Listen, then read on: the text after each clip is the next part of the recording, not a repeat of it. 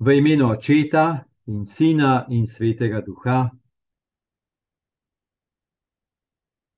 Se priporočimo Svetemu Duhu, v zavesti, da je Sveti Duh, ki nam daje eno luč in pogled v Božjo besedo, toliko bolj v tem času, ko smo zdaj pred Binkoštmi, oziroma bodo k malu.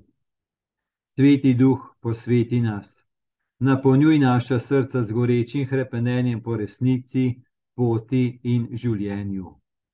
Užgi v nas svoj ogenj, da ob njem tudi sami postanemo luč, ki sveti, greje in to laži. Našim okornim jezikom pomagaj najti besede, ki bodo govorile o tvoji ljubezni in lepoti. Preustvari nas, da postanemo ljudje ljubezni, tvoji svetniki, vidne božje besede Tako bomo obnovili obličje zemlje in vse bo na novo ustvarjeno. Pridi, sveti duh, posveti nas, okrepi nas, ostani pri nas. Amen.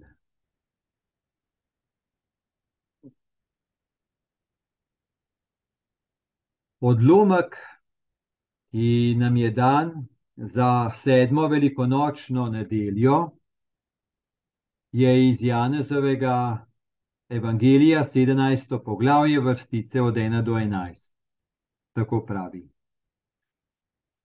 Tisti čas je Jezus povzdignil oči proti nebu in dejal: Oče, prišla je ura, poveličaj svojega sina, da sin poveliča tebe, kaj ti dal si mu oblast nad vsakim človekom, da bi dal večno življenje vsem, ki si mu jih dal.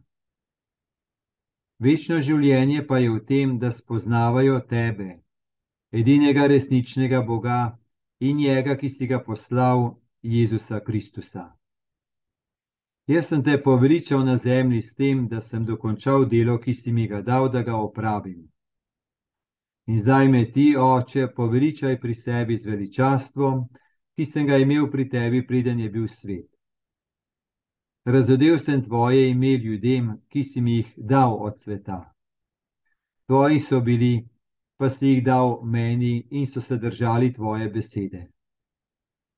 Zdaj vedo, da je vse, kar si mi dal od tebe, kaj ti besede, ki si mi jih dal, sem dal njim. Oni so jih sprejeli in resnično spoznali, da sem jih šel od tebe in verovali, da, da si me ti poslal. Jaz prosim za nje. Ne prosim za svet, temveč za tiste, ki si mi jih dal, ker so tvoji. In moje je tvoje, in kar je tvoje, je moje, in poveličen sem v njih. Nisem več na svetu, oni so na svetu, jaz pa odhajam k tebi. Sveti oče, ohrani jih v svojem imenu, ki si mi ga dal, da bodo eno, kakor mi dva.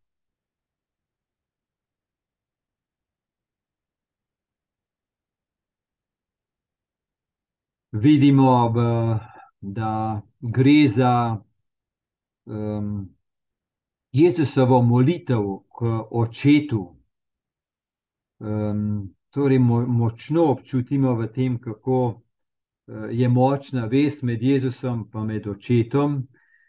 Pa ne samo to, med njim, pa med Jezusom in očetom, ampak tudi kako um, so Jezusovi učenci umenjeni jasno pomeni Jezusovi učenci takrat deležni, prisotni, obenem pa tudi Jezusovi učenci vseh časov, pomeni tudi mi. Je res ena tako močna beseda, torej tudi, tudi, tukaj tudi vidimo, na kakšen način se Jezus obrača v molitvi k očetu, na kakšen način moli. Mi imamo, vemo, ko je v sinoptikih ko je oče naš napisan, torej ko so učenci Jezusa prosili, da jih nauči moliti, pa je potem oče naš pokazan kot način, kako se obračati k nebeškemu očetu. No, tukaj je zelo drugačno, v Janezu je to zelo drugačno, ampak močno pa začutimo, kaj pomeni Jezusova drža do očeta, kaj pomeni močna povezanost in kaj pomeni tudi vključenost nas, Jezusovih učencev, da smo deležni v tej udeleženi v tej molitvi. Torej, zaradi Jezusove molitve smo udeleženi, smo priporočeni očetu.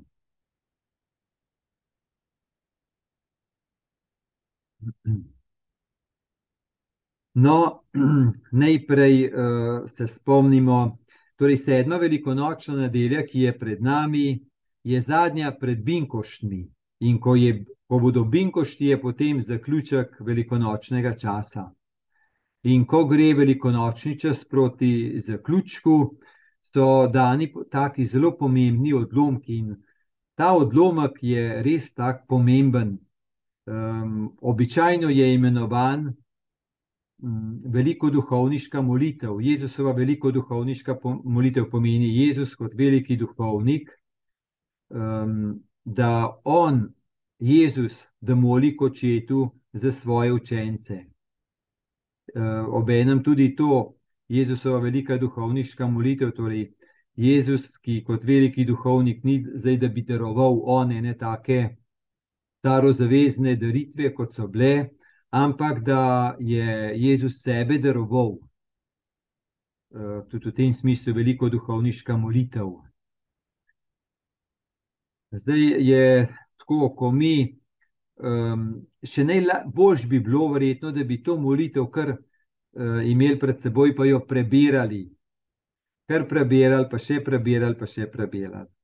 Tako da govoriti o tej molitvi je skoraj um, nekaj, kar se človek povpraša, ali bo v pomoč, um, ker je res lepa. Ampak, ker smo že zdaj nekako navajeni na to, pa potem vse nekaj besed o, uh, o tej molitvi. Torej, tukaj vidimo, da Jezus ne govori učencem, da bi jim rekel: No, molite, treba, obračajte se k Bogu, pa molite ampak je um, prav Jezusova molitev, kako se on obrača k nebeškemu očetu. Kako mu pripoveduje, kaj mu polaga na srce, kaj mu reče. Um, tako začne tisti čas, je Jezus pozdignil oči proti nebu in dejal: Ko je tako preprosta beseda, dvignil oči proti nebu, Um, je pa dobro, da nas spomne, um, kaj pomeni ta drža, dvigniti pogled, povzdigniti oči proti nebu. Ker um, življenje, ki ga živimo, ima toliko enih stvari, toliko enih skrbi, toliko enih obveznosti, toliko enih vprašanj, toliko tudi enih bolečin, da to, da nas lahko močno okupira varno življenje in vsak dan, in da pogled dol pade. Tako da ta beseda, tisti čas je Jezus pozignil oči proti nebu in dejal: Oče. Torej, ta beseda je tudi pomembna. Pomeni um, to, no, kako je bil za Jezusa dragocen odnos z očetom, in tudi kako za nas, ki smo Jezusovi učenci, tako dvigniti pogled, uh, kako je to pomembno. Se včasih se reče, vse, kaj bomo Bogu govorili, se on tako vse ve. Dobro, lahko rečemo, da vse ve, ampak gotovo pa je, da ko mi govorimo Bogu, um, je raste odnos povezano z njim. Zato je to tako pomembno.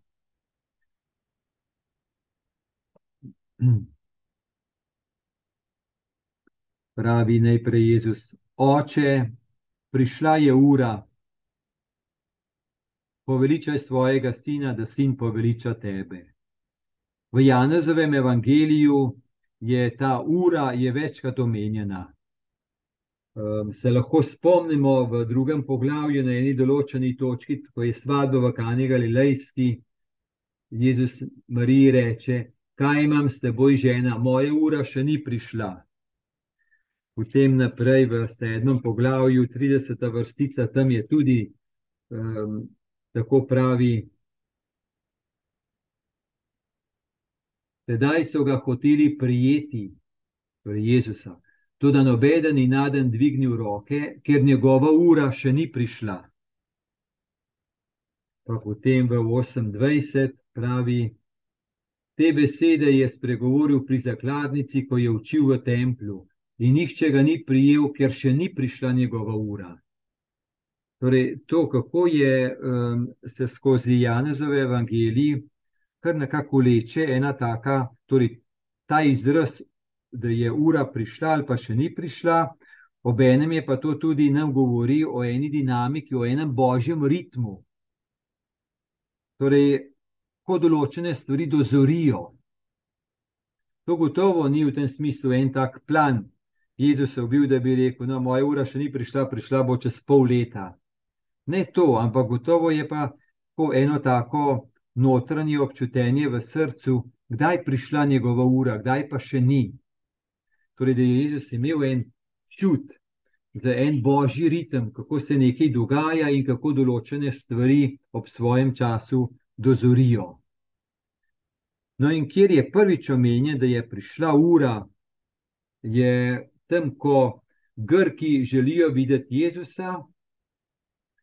Um, no, in torej, ko Grki želijo videti Jezusa, gredo k Filipu in Andreju, pa mu to rečejo. Ona dva stopta k Jezusu in Jezus je jim je odgovoril: Prišla je ura, da se sin človekov poveliča. Torej, v 12. poglavju je prvič to omenjeno, pa pa spet v 13. poglavju. Pred praznikom Paske je Jezus, ker je vedel, da je prišla njegov, njegova ura, ko pojde z tega sveta k očetu. Torej, tako je ta ura, in da je to ura poveličanja. Kot je bilo v 12. poglavju, prišla je ura, da se sin človekov poveliča, in nadaljuje Jezus: resnično, resnično povem vam, če pšenično zrno ne pade v zemljo in ne umre, ostane samo, če pa umre, obrodi obilo sadu. No, ta beseda nam gotovo veliko govori o poveličanju. Zdaj, človeški pogled, človeško poveličanje je, da je človek velik, da je velik, da ima eno veljavo na tem svetu, to je nekaj, to so ena marila. To je eno merjenje, koliko je nekdo velik v očeh sveta, ljudi, v očeh kriterijev tega sveta, ki ima pač svoje vrednote, kaj poveličuje in katerega človeka poveličuje. No, Jezus, ko pravi, um, ko gre za poveličanje, močno to reče. Poveličanje pomeni, da bo poveličan Jezus na križu. Na kakšen način bo Jezus poveličan na križu?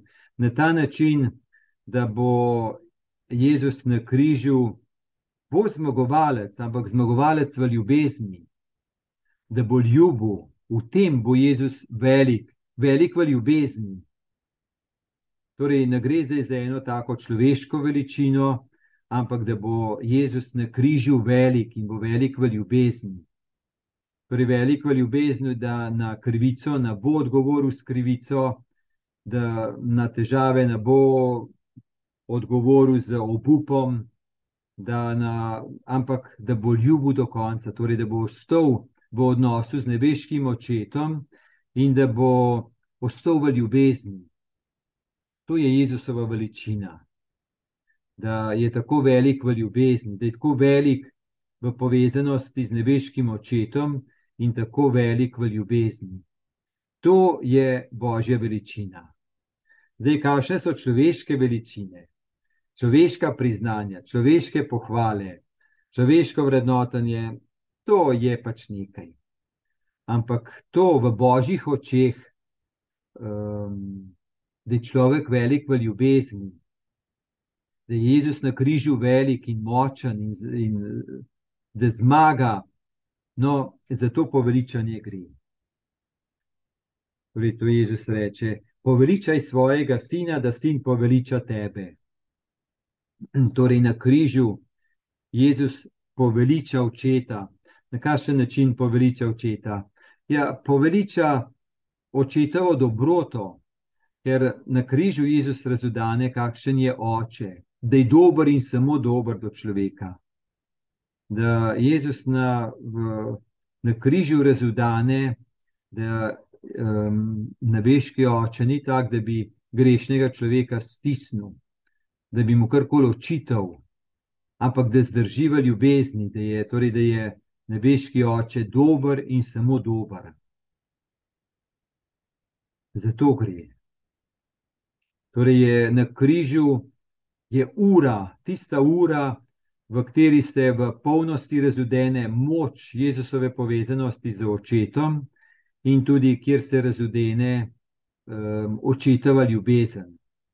In je prav na ta način, da Jezus ostane na križu, ne da se umakne dol, kljub temu, da so mu rekli, da imaš še čas, da se rešiš in pokažeš svojo moč, stopi iz križa, zdaj imaš še možnosti.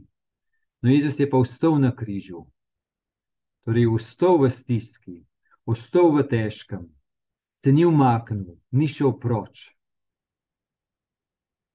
No, in na ta način je razumel, um, poveličal očeta. Poveličaj svojega sina, da sin poveliča tebe. Torej, oče, ti, mu, ti mi daješ možnost, da grem na križ, da pričujem zate na ta način, in um, ti mene poveličuješ, jaz tebe po, poveličujem.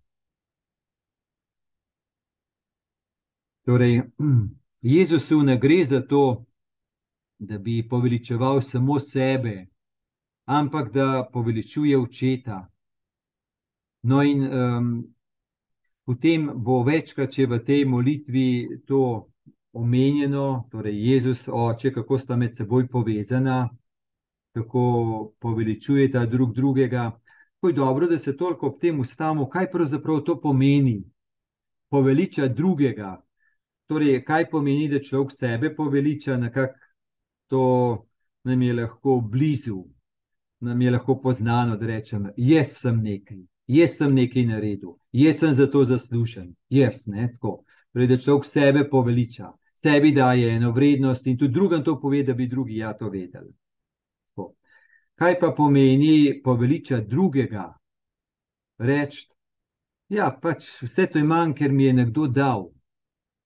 To je pa nekaj drugega in nekaj tako, ena, ena druga dinamika. Enkrat mi je ena redovnica povedala eno tako simpatično dogodivščino, ki se je zgodila v družini, mislim, da njenega brata, če se prav spomnim. Lani so bili pri obedu in je potem deklica, tam je, mislim, da nekaj manj kot deset, deset let stara, na eni določeni točki, kar tako iz nič, je rekla, je rekla tako, oči, ti moraš biti pa res zelo vesel, pa hvaležen, da imaš tako ženo ali tako mamico. Tako, no, in torej, hčerka to reče, ne? ti moraš pa res hvaležen in vesel, da imaš tako ženo. No, in ta možakar bi lahko rekel, draga žena, si slišala? Vidiš, kaj otroci opazijo. Ne vem, če ti opaziš, otroci pa to opazijo. Upam, da se zavedaš, kakšnega ko, kakšnega uh, imaš. Ko. Oziroma, ne, zdaj sem jaz malo pogrešil, ne da. Obrnil, ne, obrnil sem, ja, obrnil sem. Ne. To se pravi, tisti, ki mu je bilo tako rečeno, torej v tem smislu, se jaz res ne vem, komu je bilo rečeno, ampak v glavnem v tej dinamiki je bilo rečeno, ne, da um, ti si pa res lahko hvaležen, pa hvaležen, da imaš ta zga. In bi se lahko pohvalil, ne? no, vidiš, no, vidiš, tako le je. Upam, da zdaj ti se tega zavedaš, da te otroci na to spomnijo. No, ampak odgovor, kateri je bil? Odgovor je bil tega, da drugega je bil, ne, ne, jaz sem vesel, pa hvaležen, da imam takega ob sebi. Tako, ne, to se pravi, če je otrok rekel, no, poglej, poglej, kakšnega ima, torej, ne, kaj, kdo ti je dan. Pa je on je rekel, se niti prilastil to pohvalo, ampak je rekel v tem smislu, ne, jaz sem deležen. Torej, ni um, drugi um, tisti, ki je tako obdarovan, ampak jaz sem obdarovan. No, in to ima danes ta zelo spontano. Jaz sem malo pomešan, zdaj se zastopimo, kaj je bilo. Um, tako rekla, tako spontano je to nastalo, tako na hitro in tako spontano, ne kot eno tako razmišljanje, pa tuhtanje, ampak čisto spontano. Se pravi, prav to, da je, v, da je v tej osebi to bilo prisotno. Ne zato, da bi rekel, no, moram take stvari biti dober zgled za otroke, ampak tako. No, in to je to, ne, koga poveličati. Ali reči, ja, ja, jaz sem tak, ne upam, da zdaj to drugi vidijo. Ali pa reči, ja, ne, ne, jaz sem velik zaradi tega, ker me drugi tazga naredijo, ker mi drugi toliko dobrega naredijo, ker me drugi imajo toliko radi, ker od drugih toliko prejemam. No, tako, tako da to, ko pravi um, Jezus, poveličaj svojega sina, da sin poveliča tebe. To je res ena tako zelo globoka dinamika, tudi v tem eksistencialnem smislu. Za koga mi gre? Ali moram jaz sebe poveličevati, ali pa lahko dam prostor, da je po meni drugi poveličan, velik, da mu priznam, da od njega veliko prejemam. In da če sem kaj, da sem lahko zaradi tega, ker ima to drugega ob sebi. In je to gotovo lahko velja za moža, ženo, lahko velja potem tudi za druge relacije. Eh, je dobro, da se ob tem ustavimo, da se res ob tem ustavimo, kaj to pomeni. Dati prostor veličini drugega, ne se prisvojiti, ker če se prisvojimo, pa ostanemo sami. Dobro, pa ostanemo svojo veličino, pa kaj pomaga tista veličina? Je pa že več uredno, da ostanemo z odnosom, da me nekdo dela velikega, da me ima nekdo rad, da sem deležen nečesa in da je zato tako. No, in to je pa potem odnos, povezanost in to čutimo, da je mnogo več polnosti, kot pa da se človek sam nekako prilasti in reče: Jaz sem to, dobro. Človek to ima, ampak nič več kot to. No, odnos je pa še nekaj drugega.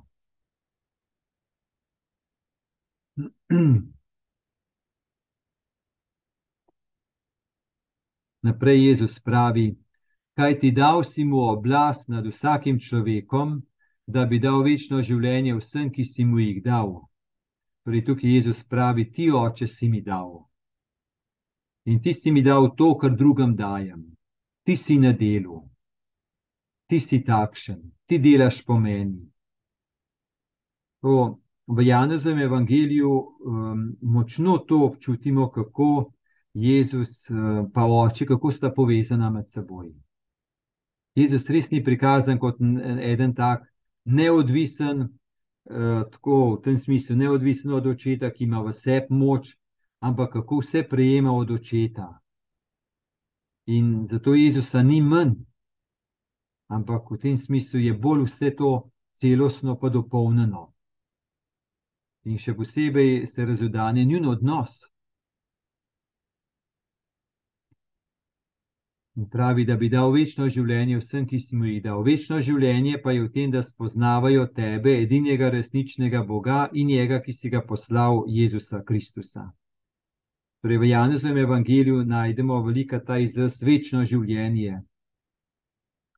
V sinoptikih je malo drugačen, naprimer, ko govori v Markovem evangeliju, ko uporablja izraz Božje kraljestvo, ali pa Matej v, v evangeliji, ki uporablja izraz nebeško kraljestvo, je to nekaj podobnega. Večno življenje, nebeško kraljestvo, Božje kraljestvo. No, um, o večnem življenju bom nekaj prebral od papeža Benedikta, ko je o tem odlomku govoril zelo lepo reče o večnem življenju.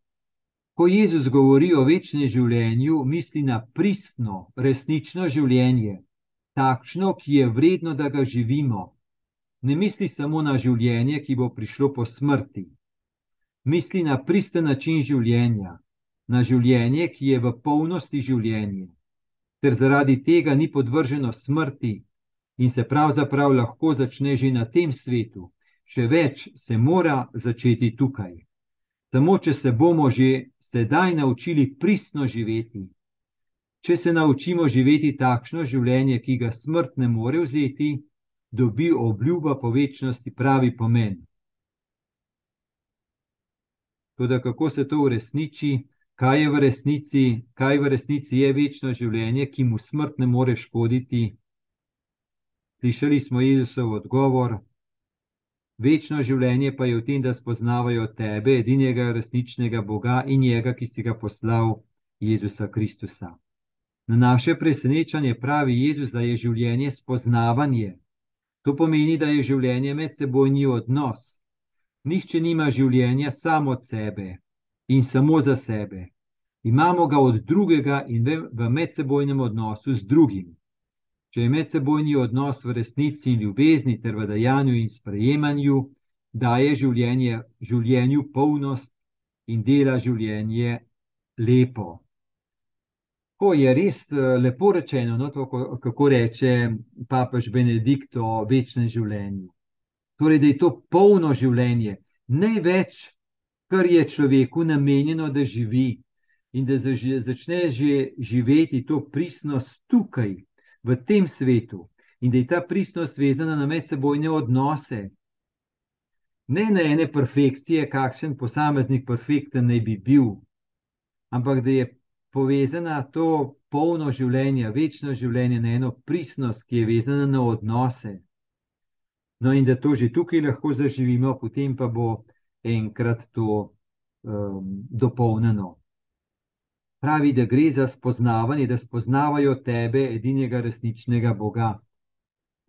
Ko mi govorimo, o, uporabljamo ta izraz spoznavati, mar zdaj je prvi pomen, da je to eno miselno spoznavanje. Jasno, da tudi miselno spoznavanje je pomembno, ampak da je spoznavanje v svetem pismu bolj celostno, da je bolj vezano na celoto življenja in da je um, vezano poznavanje, da je vezano na izkušnjo in da je vezano na odnos.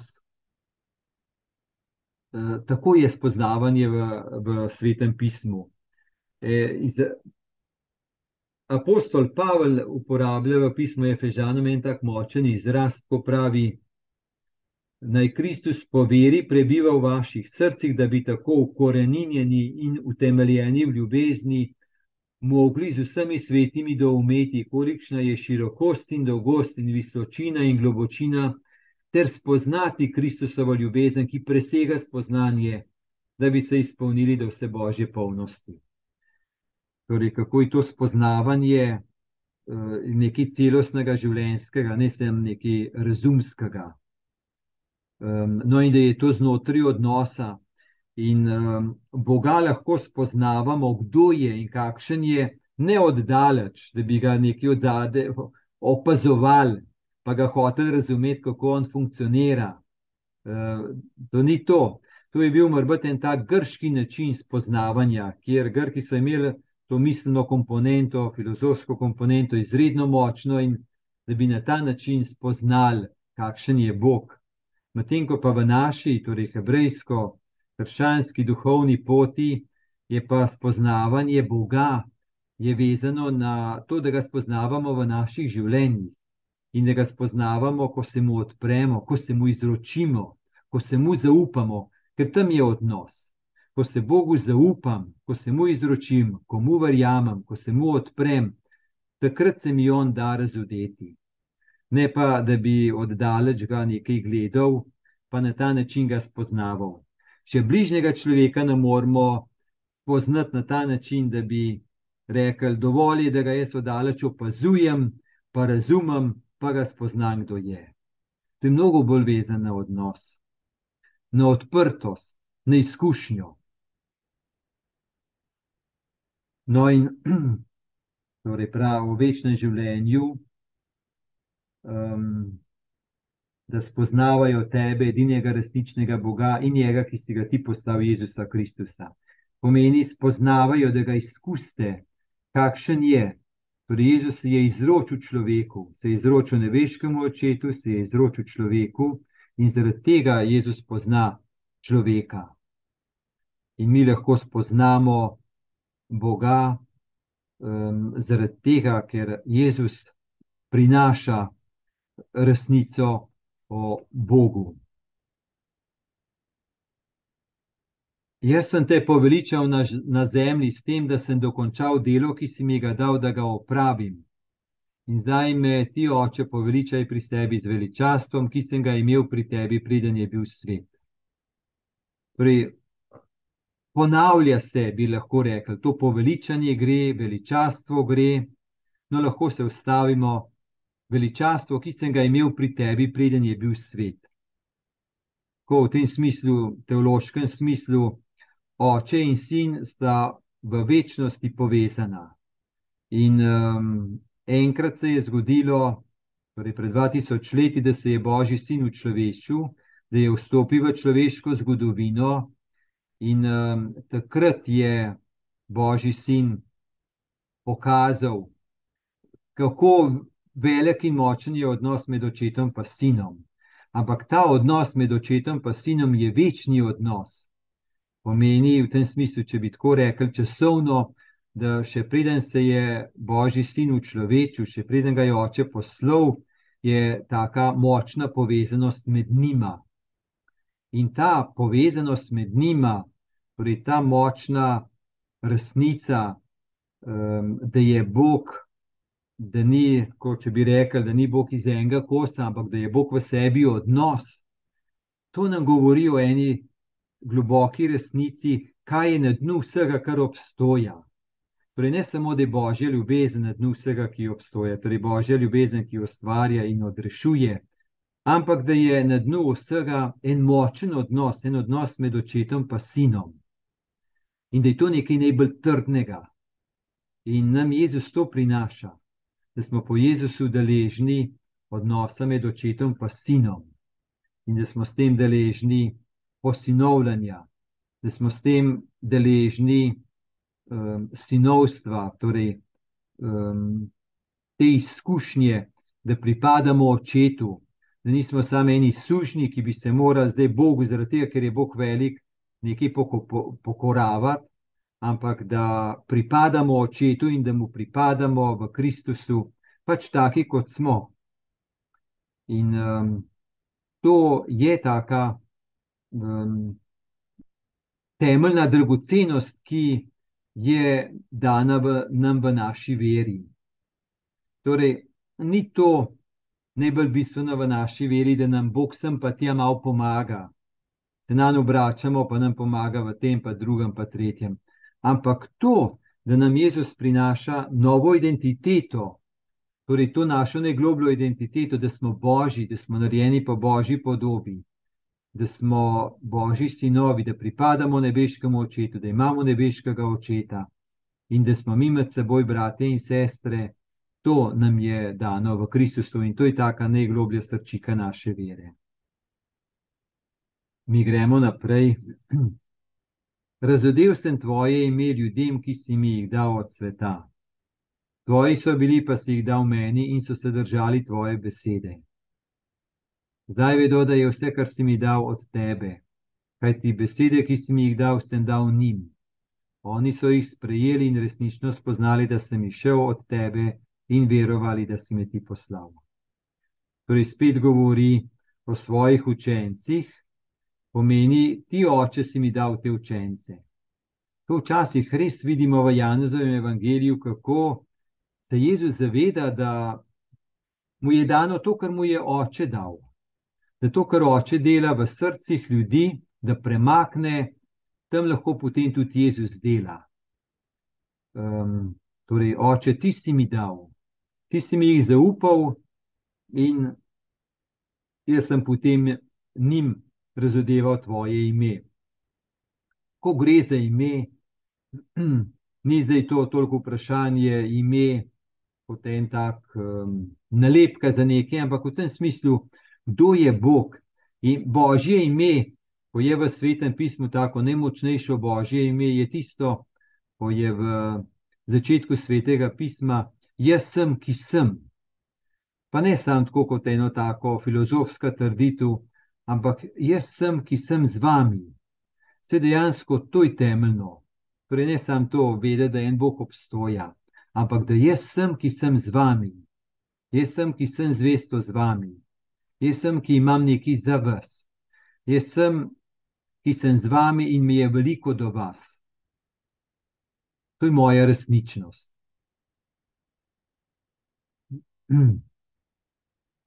Tukaj pravi, razodel sem tvoje ime ljudem, ki si mi jih dal od sveta.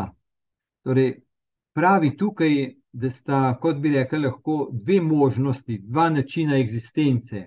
Torej, en je tak način uh, eksistence, posveten način, pomeni en tak način, um, posveten način v smislu um, postaviti se v središče, hoteti biti glaven, sebe uveljaviti, eh, zase poskrbeti, tako bolj individualistični način, nagrabiti uveljaviti se, iskati veljavo v svetu pred ljudmi. Torej, to je ena taka eksistenca, ki ne pozna Boga, ki ne pozna očeta, ki ne pozna božje ljubezni. No, in Jezus pravi: Razodel sem tvoje ime ljudem, ki si jih dal od sveta. Se pravi, oče, na svetu so pač taki ljudje, ampak ene si pa v srcu tako razpoložil, da sem jim jaz lahko razudel tvoje ime, da sem jim lahko povedal o tvoji ljubezni. No, in to je ena taka res skrivnost, kaj pomeni, da so nekateri ljudje, ki lahko verujejo, ki jim je dan ta dar vere, in so nekateri, ki ne, ki se jim zdi vse skupaj skrajno neumno, skrajno neumestno, skrajno nepomembno. To tako je. Nedavno mi je eden rekel na pogovoru, je rekel, jaz se sploh ne znam predstavljati, kako lahko nekateri ljudje živijo brez vere, brez naslonitve na Gospoda, brez njegove luči, brez njegove ljubezni. Prav sploh ne znam predstavljati. Pa je tak, rekel, ven, tak, rekel, zelo dejaven, v smislu prisoten. Um, tako. Ampak, um, ko je, ko je. Torej, nekateri so sprejeli Jezusovo besedo, so se odprli, nekateri pa ne. Bodi si v Janezovem evangeliju, bodi si drugot, je ogromno tega, um, kaj pomeni, da so nekateri se odprli Jezusovi besedi, nekateri pa ne zadnji stavki, jaz prosim za nje, ne prosim za svet, temveč za tiste, ki si mi jih dal, ker so tvoji. In vse moje je tvoje, in kar je tvoje, je moje, in poveličen sem v njih. Nisem več na svetu, oni so na svetu, jaz pa odhajam k tebi. Sveti oče, ohrani jih v svojem imenu, ki si mi ga dal, da bodo eno, kakor mi dva. No, tukaj je en tak bišek, da bodo eno, kakor mi dva ohrani jih v svojem imenu, ki si mi ga dal, da bodo eno, kakor mi. To se pravi, ti imaš nekaj tako dragocenega, eno tako močno povezanost in tako močen odnos, ki je taka enost, kot smo mi dva eno. No, in to je, kar, imamo, kar nam je v Jezusu dano. Taka močna enost, taka močna povezanost. Noben se ne bo sam individualistično rešil, ampak edino skupaj z drugim. No, naj tukaj zaključimo. To je ta molitev, taka je, vsekakor je lepa, zdaj koliko je to pomagalo, pa ne vem. No, naj vas spremlja Božji blagoslov, blagoslov Boga Očeta in Sina in Svetega Duha. No, vse dobro vsem.